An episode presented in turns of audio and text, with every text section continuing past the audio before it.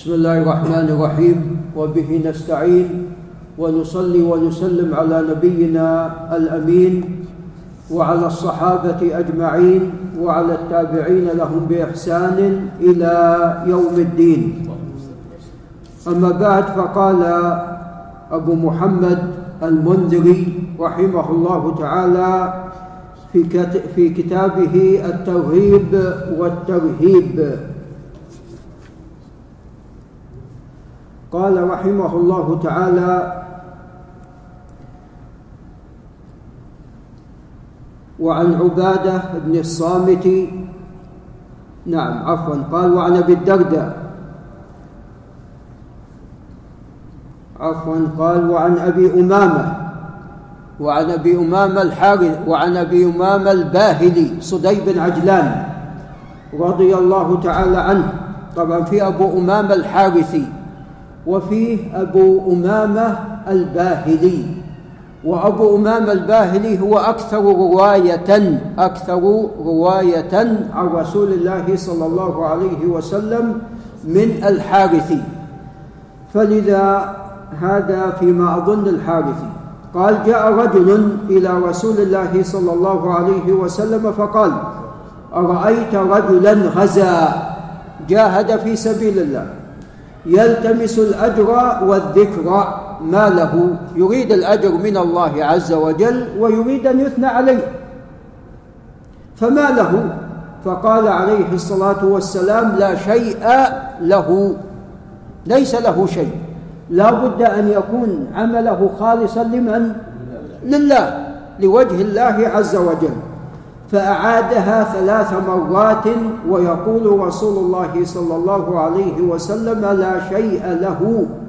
ثم قال صلى الله عليه وسلم إن الله عز وجل لا يقبل من العمل إلا ما كان خالصا خالصا لله وحده وابتغي به وجهه.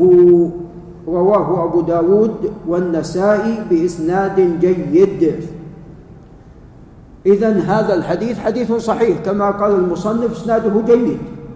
قال وعن أبي الدرداء رضي الله تعالى عنه وكان من علماء وحكماء الصحابة أرسله الفاروق إلى بلاد الشام لكي يعلمهم ويفقههم يعلمهم القرآن. فكان من جملة من علمهم بنت صغيرة بنت صغيرة علمها القرآن. فأعجب بها فتزوجها.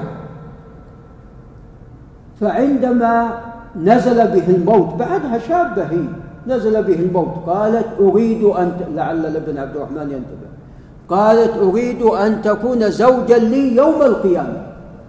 ماذا قال لها؟ قال لا تتزوجي بعدي. إذا كان أبو حمزة بيتزوج قال لا تتزوجي بعدي. فلم تتزوج بعده توفيت تقريبا نحو سبعين سنة سبعين بعد ب... بعد عفوا بالدردة بنحو أربعين سنة. خطبها عبد الملك بن مروان. عبد الملك خطب فقيهة عالمة. فقيهة عالمة. هذه أم الدرداء الصغرى الكبرى توفيت في حال حياته.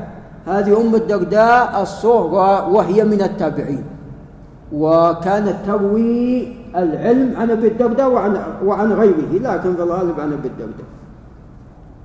نعم. ولعل لها رواية عن غيره. نعم. وعن أبي الدرداء عن النبي صلى الله عليه وسلم قال الدنيا ملعونة. ملعون ما فيها إلا ما ابتغي وجه ما ابتغي به وجه الله تعالى.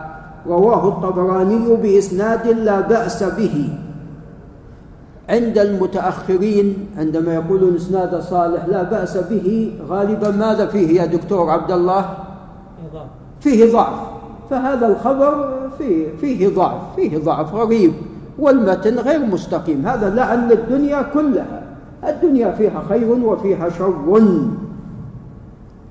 وعن عبادة بن الصامت رضي الله تعالى عنه قالوا جاءوا بالدنيا يوم القيامة فيقال ميزوا ما كان منها لله عز وجل.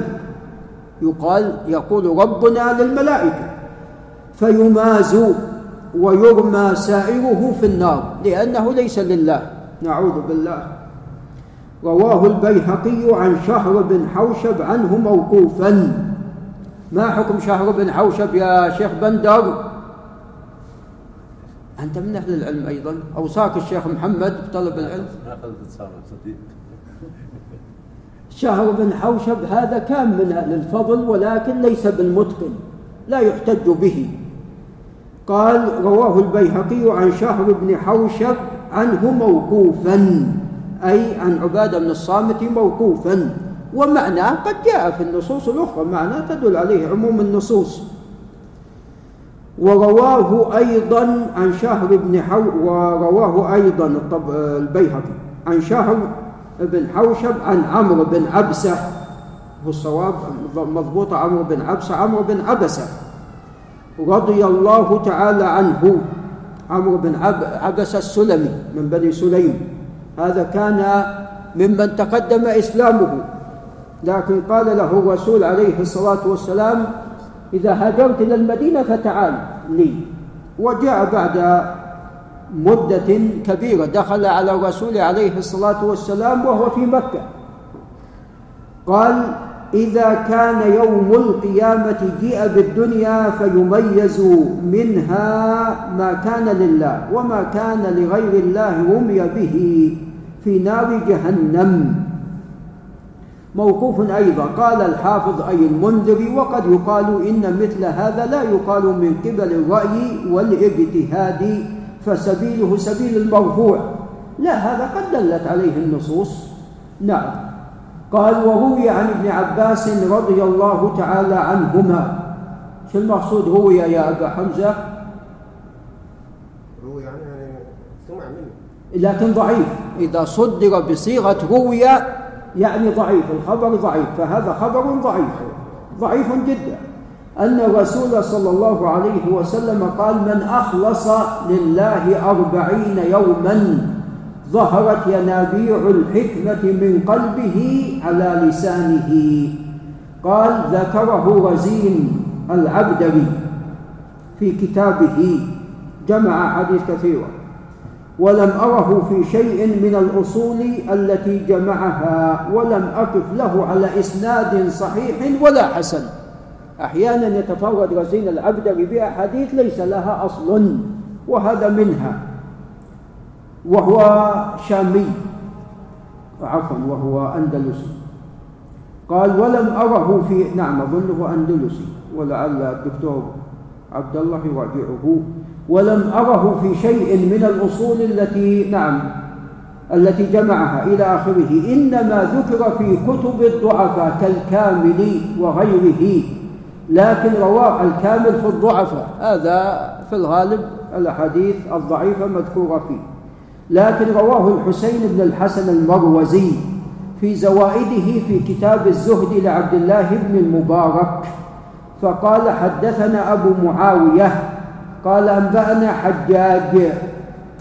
قال عن مكحول قال عن النبي صلى الله عليه وسلم فذكره مرسلا وكذا رواه أبو الشيخ ابن حيان وغيره عن مكحول مرسلا والله أعلم. هذا لا يصح. المرسل يا شيخ أحمد؟ ليس صحيح. نعم ليس بصحيح ضعيف كالمرسل ضعيف. قول التابع قال رسول الله صلى الله عليه وسلم ثم فيه حجاج بن أرطات لا يحتج به. نعم فهذا الخبر لا يصح. قال وروي عن أبي ذر الغفاري رضي الله تعالى عنه أن رسول الله صلى الله عليه وسلم قال قد أفلح من أخلص قلبه للإيمان وجعل قلبه سليما إلا من أتى الله بقلب سليم. نسأل الله أن يرزقنا وإياكم القلب السليم. ولسانه صادقا. ونفسه مطمئنة. وخليقته مستقيمة. وجعل أذنه مستمعة. وعينه ناظرة. نسأل الله من فضله. هذا جمع الخير من أطرافه. فأما الأذن فتعي. والعين مقرة بما يوعي القلب. وقد أفلح من جعل قلبه واعيا رواه أحمد والبيهقي وفي إسناد أحمد احتمال للتحسين يعني فيه ضعف أيضا. نعم قال وعن عمر بن الخطاب وعن عمر بن الخطاب رضي الله تعالى عنه قال سمعت رسول الله صلى الله عليه وسلم يقول إنما الأعمال بالنية. شو المشهور يا دكتور طارق؟ إنما الأعمال بالنية. شو المشهور؟ بالنيات. هذه في رواية في البخاري بالنية. نعم.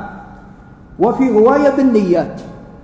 وإنما لكل امرئ ما نوى فمن كانت هجرته إلى الله ورسوله فهجرته إلى الله ورسوله. ومن كانت هجرته إلى دنيا يصيبها أو امرأة ينكحها فهجرته إلى ما هاجر إليه رواه البخاري ومسلم وأبو داود والترمذي والنسائي. قال الحافظ المنذري زعم بعض المتأخرين أن هذا الحديث بلغ مبلغ التواتر وليس كذلك. وإنما هو يا دكتور عبد الله غريب في أوله. غريب. نعم لم يروه من الصحابة إلا عمر رضي الله عن عمر. ولم يروه عن عمر إلا علقمة بن وقاص الليثي من التابعين. وعن علقمة بن وقاص محمد بن إبراهيم التيمي وهو تابعي أصغر من الذي قبله. ولم يروه عنه إلا يحيى بن سعيد الأنصاري وهو من صغار من صغار صغار التابعين. ثم انتشر. نعم. فهذا هو صحيح صحيح صحيح. خرجه البخاري ومسلم. هو صحيح في الدرجة العليا من الصحة. لكن في الغالب الأحاديث لها طرق كثيرة. هذا ليس له إلا هذه الطريق. ولكن نصوص القرآن والسنة تدل عليه. نصوص القرآن العظيم والسنة النبوية تدل عليه. فالأعمال لا بد أن تكون لله. نعم هذا غريب من أحاديث الآحاد فرد. نعم. قال ثم رواه عن الأنصار خلق كثير نحو مئتين نحو مئتي راوي وقيل سبعمائة راوي وقيل أكثر من ذلك. قال ابن حجر لم أزل أتتبع طرق هذا الحديث. مو تتبع الصفق في الأسواق. لا طرق هذا الحديث كلهم في العلم نسأل الله من فضله. يعني من حين شرع في العلم وهو يتتبع يعني يمكن جلس ثلاثين أربعين سنة قال ما وقفت إلا على سبعين. رووه سبعين عدد كبير رووه عن يحيى بن سعيد ثم عن يحيى بن سعيد معد ثم يحيى بن سعيد هو فقط الذي رواه عن محمد بن إبراهيم. قال وقد روي من طرق كثيرة غير طريق الأنصاري غير طريق يحيى بن سعيد الأنصاري ولا يصح منها شيء. كذا قاله الحافظ علي بن المديني وغيره من الأئمة.